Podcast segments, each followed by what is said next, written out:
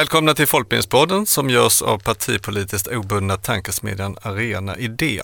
Jag heter Ola Bolaser och jag står här i studion tillsammans med Felicia Hedström som är rektor på Jakobsbergs folkhögskola. Idag gör eh, Folkbildningspodden ett nyhetssvep och några reflektioner över läget som folkbildningen befinner sig i. Felicia, det var ett tag sedan du var här i studion på Arena och pratade folkbildning. Vi kan ju börja med att ta avstamp i din rektors vardag för att se hur den ser ut så här en månad efter att regeringen presenterade den sämsta folkbildningsbudgeten på många år, kanske någonsin. Hur lever ditt eh, folkbildningsliv? Ja, men jag tänker att jag är nog som många rektorer och studieförbundsansvariga, sitter och svettas över budgeten, har ju ökade löner som alla andra. Eh, och folkhögskolorna jämfört med studieförbunden fick ju en liten peng och då med betoning på liten. Och den vet vi ännu inte vad den ska göras av så det är svårt att få ihop budgetar helt enkelt. Så det har jag lagt mycket tid på, eh, startat igång eh, vårt läsår som är det roligaste man kan göra. Eh, och sen så håller jag på med sånt där som man gör både på folkhögskolor och studieförbund eh, med kulturprogram och öppna föreläsningar. Och nu hade vi i helgen ett Göran Palm-seminarium då vi bjuder in allmänheten och intresserade att eh, ta del av Göran Palm som var en eh, poet, författare, skribent, debattör, journalist och vi delar ut ett pris också. Och I år fick Maja Hageman priset som är en journalist och historiker som skriver väl, eller hur vi, hur vi egentligen använder historien för våra egna syften och hur politiken idag mejslar fram kanske en historia som inte är helt sann. Så det var ju väldigt spännande. Planerar ytterligare kvällsföreläsningar. Vi har tolv samtal som är en workshop vi har med en kvinna som heter Kina Skoglund det heter 12 samtal med hopp om framtiden där hon, eh, hon har ju haft en liten folkbildningsturné här, har skrivit en bok och ju samlar folk för att prata så här, hur, hur går vi framåt? Vad, vad finns det för tänkare som har tänkt kring de här frågorna, hur vi samlas och folkrörelser och goda exempel och så. Så att eh, svettigt men roligt. Mm, härligt. Jag vet också att du nyss kommer från styrelsemöte i Stockholms läns bildningsförbund, eller hur? Det stämmer bra. Det är en plats för eh, andra aktörer där du inte är helt isolerad där i Jakobsberg utan där träffar du andra eh, representanter för folkhögskolan. Och, för Stockholm har ju 29 folkhögskolor varav några är då med, de flesta är med i Länsbildningsförbundet och, och 10 studieförbund varav alla är med. Så vad pratar ni om där? Mycket, mycket prat såklart om de nedskärningar som syns nu inom studieförbunden. Det är tuff, tuffa, tuffa tider och försöka förstå konsekvenserna av det för oss själva. Vad det, hur det påverkar regionens eh, invånare då, som, vi, som vi möter och var görs nedskärningen och hur och så. Så det, det pratar vi såklart mycket om. Eh, men också hur vi då verkligen se till att lyfta fram det vi gör gentemot regionpolitikerna, behöver nå ut till och, och, visa på vikten av oss. Vi finns ju i en sån regional utvecklingsplan, RUFS, en RUFS, som en kort förkortning. Där tycker jag man ändå har lagt vikt vid den folkbildningen och det vi gör och så. Men eh, det måste vi visa framåt. Det ska tas fram en ny sån också. Så. Vi kanske pratar också om, om veckans stora nedslående nyhet, detta med Kulturens eh, bildningsförbund, att de lägger ner sin folkbildningsverksamhet. Oh ja, det var en, en stor grej som vi pratade om. Det var ju, den kom någon dag innan och eh, de kom ut med ett pressmeddelande där de meddelade att de kommer avveckla all sin verksamhet och redan till 2024. Men då pratar vi om den studieförbundsverksamheten som de har. Ja. Det är bara liksom den, det är den vi pratar om, ja. folkbildningsverksamheten. Och jag kollade lite på, de gick ut med lite vad de, hur den, deras bildningsverksamhet såg ut 2022. Mm. Och då var det tusen, lite drygt studiecirklar man gjorde. Och tusen arrangemang som eh, inom folkbildningen eller tillsammans med andra. Och sen hade man just 2600 kulturprogram det som jag pratade lite om som man kan göra på folkhögskolor också. Jag försökte kolla lite hur man definierar om någon inte har koll på vad det är och då står det lite olika. Men man gör ju fram, någonting som man framför som är öppet inför en publik. Kanske en konsert eller en föreläsning eller en utställning och så. Och då tänkte jag att ja, men om man delar då på, på ett år på dagar då blir det ungefär sju kulturprogram per dag som vi går miste om. Då tycker jag att det blir lite tydligare vad det innebär när ett, det här är ett ganska litet studieförbund. De har ju skrivit själva att de, ja men det är just av sänkningen av statsbidragen som gör att de inte kan, de tycker inte att de kan fortsätta driva. Åsa Kratz som är förbundsordförande säger i något pressmeddelande att med de förutsättningar som nu gäller så är det enda ansvarsfulla beslutet att avveckla verksamheten och att de har liksom under flera år försökt att jobba på med den eh, men inte tycker att de kan. Eh, och då tänker jag att det kan verka futtigt kanske, men när man bryter ner det sådär och tänker, ja, men vad, kulturen lägger ju ner, men det är ju också just minskade anslag till de övriga studieförbunden och vad har vi för samhälle om tre år när man har gjort budgetnedskärningar. Ja, nej, men jag funderade just på det, att de ändå så snabbt fattade det här beslutet utifrån budget. Att de ändå, man tänker ändå att, att folkbildningsbidraget är någonting att, att, att leva på men, men eh, det, det som du just säger där, att det, det är just att de är små som verkar vara argumentet för att de också säger att vi klarar inte av att hantera den här administrativa kraven som finns och så. Men vi får säkert höra mer om detta senare. Men, men frågan är liksom, det här är ju såklart, det är inte varje dag någon lägger ner sin eh, studieförbundsverksamhet. Hur har reaktionerna varit? Så studieförbunden har ju varit också på ett seminarium i riksdagshuset och pratat och liksom berättat om studieförbundsverksamheten och vad, de, vad det kan få för effekter. Just det här vi pratade om, att har man verkligen koll på vad det här innebär. I början av den här veckan, när den här podden spelas in, så var det också en, eh, en namninsamling och en uppstart på en, ett upprop från studieförbunden med hashtaggen studieförbunden samlar Sverige. Jag tänker att det pågår mycket arbete med det här att nå ut och berätta och skapa opinion. Ofta så kanske man har varit inne i studieförbundsverksamhet men inte har koll på det. Man har gått en kurs eller i ett sammanhang eller just ett så här kulturarrangemang. Och då är det ju bra att veta att det kanske inte kommer vara nu. Ja men visst, det, det har ju hört. Så i samband med det så gjorde DN också en artikel om, om detta. Både när det gällde mobiliseringen men också nedläggningen av, från kulturens sida. Och där kan man läsa att David Samuelsson som då är, eh, representerar studieförbunden eh, uttalade sig att han, han sa att vi går ut tillsammans och protesterar mot det här. Först och främst är det deltagarna som kommer att bli drabbade och vi vill göra allt för att förhindra det, säger han. Och att han menar att det kan vara liksom en föraning att man redan så här snabbt går från 10 till, till 9 studieförbund. Och att effekterna av det här nedskärningsförslaget som det kan ge framåt. Att han kallar liksom nedskärningarna orimliga. Just prata om det som du pratade om tidigare också, de här konsekvenserna som inte man riktigt kan förutse nu. Det kom en annan take på det för några dagar sedan Mm. Ehm, I en för dig nära liggande skrift, eh, Dagens Arena, publicerades det en eh, debattartikel där det just var några, det var mycket sosse-kvinnor som gick ut just berättar om konsekvenserna för kvinnor. Det är många lågavlönade kvinnor som tar del av studieförbundsverksamhet och att om man nu gör nedskärningar där så är det också de som i stor utsträckning drabbas. Ja men visst, man, man undrar ju då liksom vad svaret från, eh, från Mats Persson som vi aldrig får hit här i den här. Så vi får ju läsa vidare den här artikeln om vi ska höra vad han har att säga. För han, han har inte... Nej men då säger han att, att han har full förståelse för att studieförbunden tycker att regeringen gör en, kan göra liksom en felaktig prioritering i och med nedskärningarna. Men, men han, eh, då ska jag säga han så här, jag vill förtydliga att det handlar om en omfördelning av pengar och att regeringen istället ger mer pengar till folkhögskolorna som också är en del av. Sen har jag stor tillförsikt till att man kan hantera den här situationen på ett bra sätt.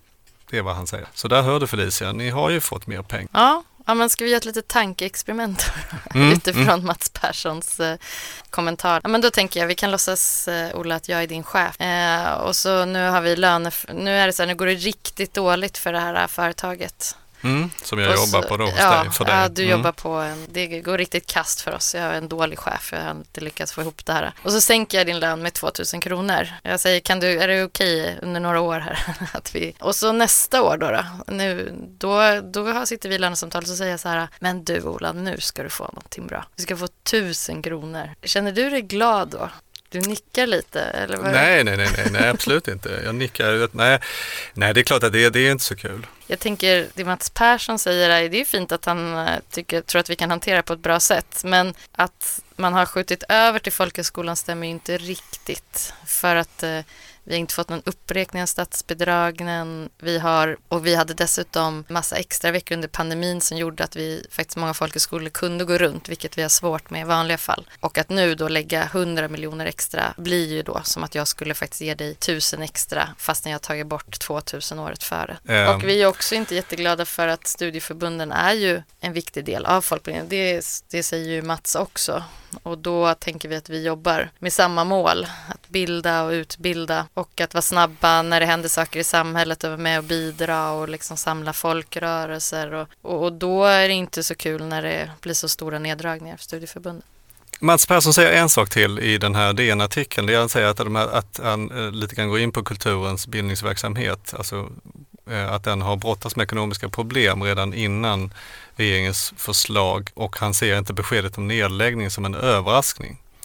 Och så säger han, det kommer fortfarande finnas goda möjligheter att ta del av folkbildningen i Sverige. Eh, I en annan artikel, fast i samma tidning, DN, så intervjuas Parisa Liljestrand som är kulturminister då och har varit det att eh, under ett år. Det är hon väldigt nöjd med. Och då tas det ändå här upp med studieförbunden i den artikeln också. Att då, då, kan man läsa så här. Samtidigt har stöden till studieförbunden dragits ner ordentligt. Frågan ligger inte på kulturministerns bord utan det ligger ju på utbildningsministerns bord. Men neddragningen har från vissa håll beskrivits som ett slag mot kultur på framförallt landsbygden. Och då säger, svarar hon, det är viktigt att vi följer upp det och tittar på hur tillgången ser ut. Det låter bra kommer andra sammanhang att formas och det är att komma ihåg att det görs enormt mycket inom ramen för det ideella. Och då tänker jag på det här ditt, eh, du hade nämnde Maja Hagerman och ditt Göran Palm seminarium där, att hon är ju historiker och hon pratar väldigt mycket om vikten av att minnas och ha kunskap på historia.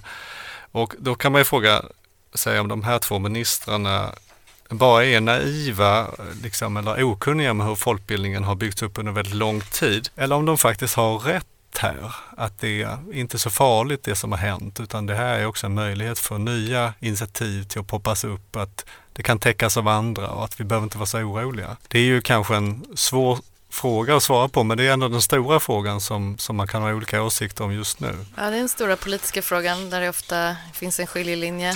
De privata initiativen eller att de på något vis inte får utrymme när man eh, då statens hand matar å ena sidan och så. Jag tänk, som du säger, det är väl lite historielöst för att det har ju folkbildning har ju varit en stor del i att bygga upp det samhälle och du pratar om Maja Hagerman, hon pratar också väldigt mycket om att vi inte ska glömma bort den delen av historien när vi har byggt det här folkhemmet eh, och att det är faktiskt viktigt att våga prata om allt det goda som bygger. Och där var ju folkbildningen en jätteviktig del, eller bildningen och utbildningsväsendet såklart i stort. Och, och, därför känns det väl lite konstigt kanske att man också ställer det mot ideella krafter. För det har, ideella krafter har funnits både inom folkbildningen och finns fortfarande idag. Det är, det är ju så det drivs inom många studieförbund och på folkhögskolor också. Att man har ett, ett engagemang utöver det vanliga. Eh, men eh, jag fattar inte riktigt varför det skulle eh, kväsa någon slags annan ideell verksamhet som redan finns idag. Nej, jag tror det, det finns väl ett argument att man på något sätt att folkbildningen har stelnat och att den är står i, står i vägen att andra kan, om pengarna kan gå till andra och så. Men det är klart att vi ser väl inte jättemycket av det just nu. Eh, att det skulle satsas på andra saker. Man, man satsar lite mer på vuxenutbildningen, eh, komvux, eh, man, kan se, man satsar mer på, på läsfrämjande års, eh, åtgärder, man satsar på en del som ligger utanför folkbildning. Men då är frågan, det är helt klart så att de flesta inom folkbildningen inte delar ministrarnas beskrivning av, av hur det ser ut nu. Så jag tänkte lite bara liksom komma in på det här, hur, hur protesterar man just nu? Hur, vilka, hur tänker du liksom om protesterna mot, mot folkbildningsbudgeten, som du, det du har sett? Det vi har pratat om inom folkbildning är ju visa den relevans vi tycker att vi har och som vi verkar inom. Det är många som går ut och skriver saker, inte bara på nationell utan även på lokal nivå där folkbildningen oftast är väldigt synlig. Jag tänkte ett sätt är att protestera som man kan läsa vidare i den här DN-artikeln som, som eh, berör eh, seminariet på, på riksdagen att man också tar hjälp av uh, olika kändisar. Till exempel här har man uh, släpat dit Marit Bergman som, som har stor erfarenhet av studieförbundsmiljön. Och hon startade Popkollo och sånt där med, redan på början på 00-talet med, med studieförbund och så. Och hon eh, slår väldigt hårt för att studiecirkelledare är de riktiga hjältarna som inte syns så ofta och så. Och hon berättar också om, och det har hon gjort vid flera tillfällen tidigare, tjejer som förvandlas till liksom självsäkra eh, musiker och så. Så hon är liksom en sån här poster girl som återkommande eh, när det gäller liksom att prata för folkbildningen. Och vi hade eh, Emil Jensson var på Sergels torg när, när folkhögskolelärarna eh, hade sin manifestation i Stockholm till exempel. Tror, tycker du, tror du att det här är någon bra väg att gå? Hjälper det här? Att... Alltså jag har ju också begått, begått kändisjournalistik, haft, varit journalist i tidigare liv och eh, använt kändisar för att hitta, liksom sätta uppmärksamhet på en viss fråga och sådär. Och det, det är inte fel för att kändisar är ju ofta spännande och är kända för att de är duktiga på att formulera sig och så, så, så det, det, är väl klart att det, det är bra att göra det. Jag, jag, tänker att man behöver göra lite både och. Och det görs det ju nu. Men det, det farliga är om man bara gör det. För då blir det som enstaka exempel och så. så att, men jag tycker att, och jag tycker jag har sett mer och mer det de senaste åren, att man ta fram alla siffror som visar på hur, hur folk kommer ut vidare, vad de får ut av studiecirklar eller eh, och då menar jag inte att det alltid måste vara att man får ut ett yrke eller så, men också just hur många som har chans att fördjupa sig i ett intresse eller eh, hitta ett sammanhang, både på folkhögskolor och inom studieförbunden. Så, så det, det, får inte bara bli det. Du sa att nu släpar de fram Marit Bergman till riksdagen. Det kan ju bli, det är ju en risk med den typen av kändisanvändare eller vad man ska säga. Men ja, det, det är väl jätte, jättebra att framgångsrika personer som är duktiga på det de gör vittnar om hur viktig vägen fram. Jag eh, är 80-talist och det, jag minns ju på 90-talet hur man hela tiden pratade om Big in Japan. Japan, jag, kan inte, jag vet inte vad man sa. Stor i Japan sa man. Alltså att det var Alltså, ja, ja, artister som var... Ja, så var stora Japan och, och alltså, det var många svenska artister som slog där och det, alltså det svenska popundret helt enkelt. Mm. Eh, jag tänkte på 80-talet, Alphavilles hit Big in Japan, ja, men vi är, vi är olika generationer. Ja, har... Det här var en ganska lång tankesväng. Vi säger så här då, jag, på 90-talet så pratade man väldigt mycket om det svenska popundret mm. och då pratar man om den kommunala eh, musikskolans roll. Så här, Cardigans, alla vittnar, vi har gått i svensk musikskola. Och det är såklart att det är viktigt att kändisar går ut och säger, för det, det kommer jag ihåg nu, så här 30 år senare. Det är bra. Mm. Marit Bergman är bra, hon säger bra grejer, mm. hon säger det på ett jättebra sätt, hon har ju rätt. Absolut, jag håller med. Absolut. Om någon har trott någonting annat så är det helt fel. Det är svårt att ställa en allmän kurs på scen.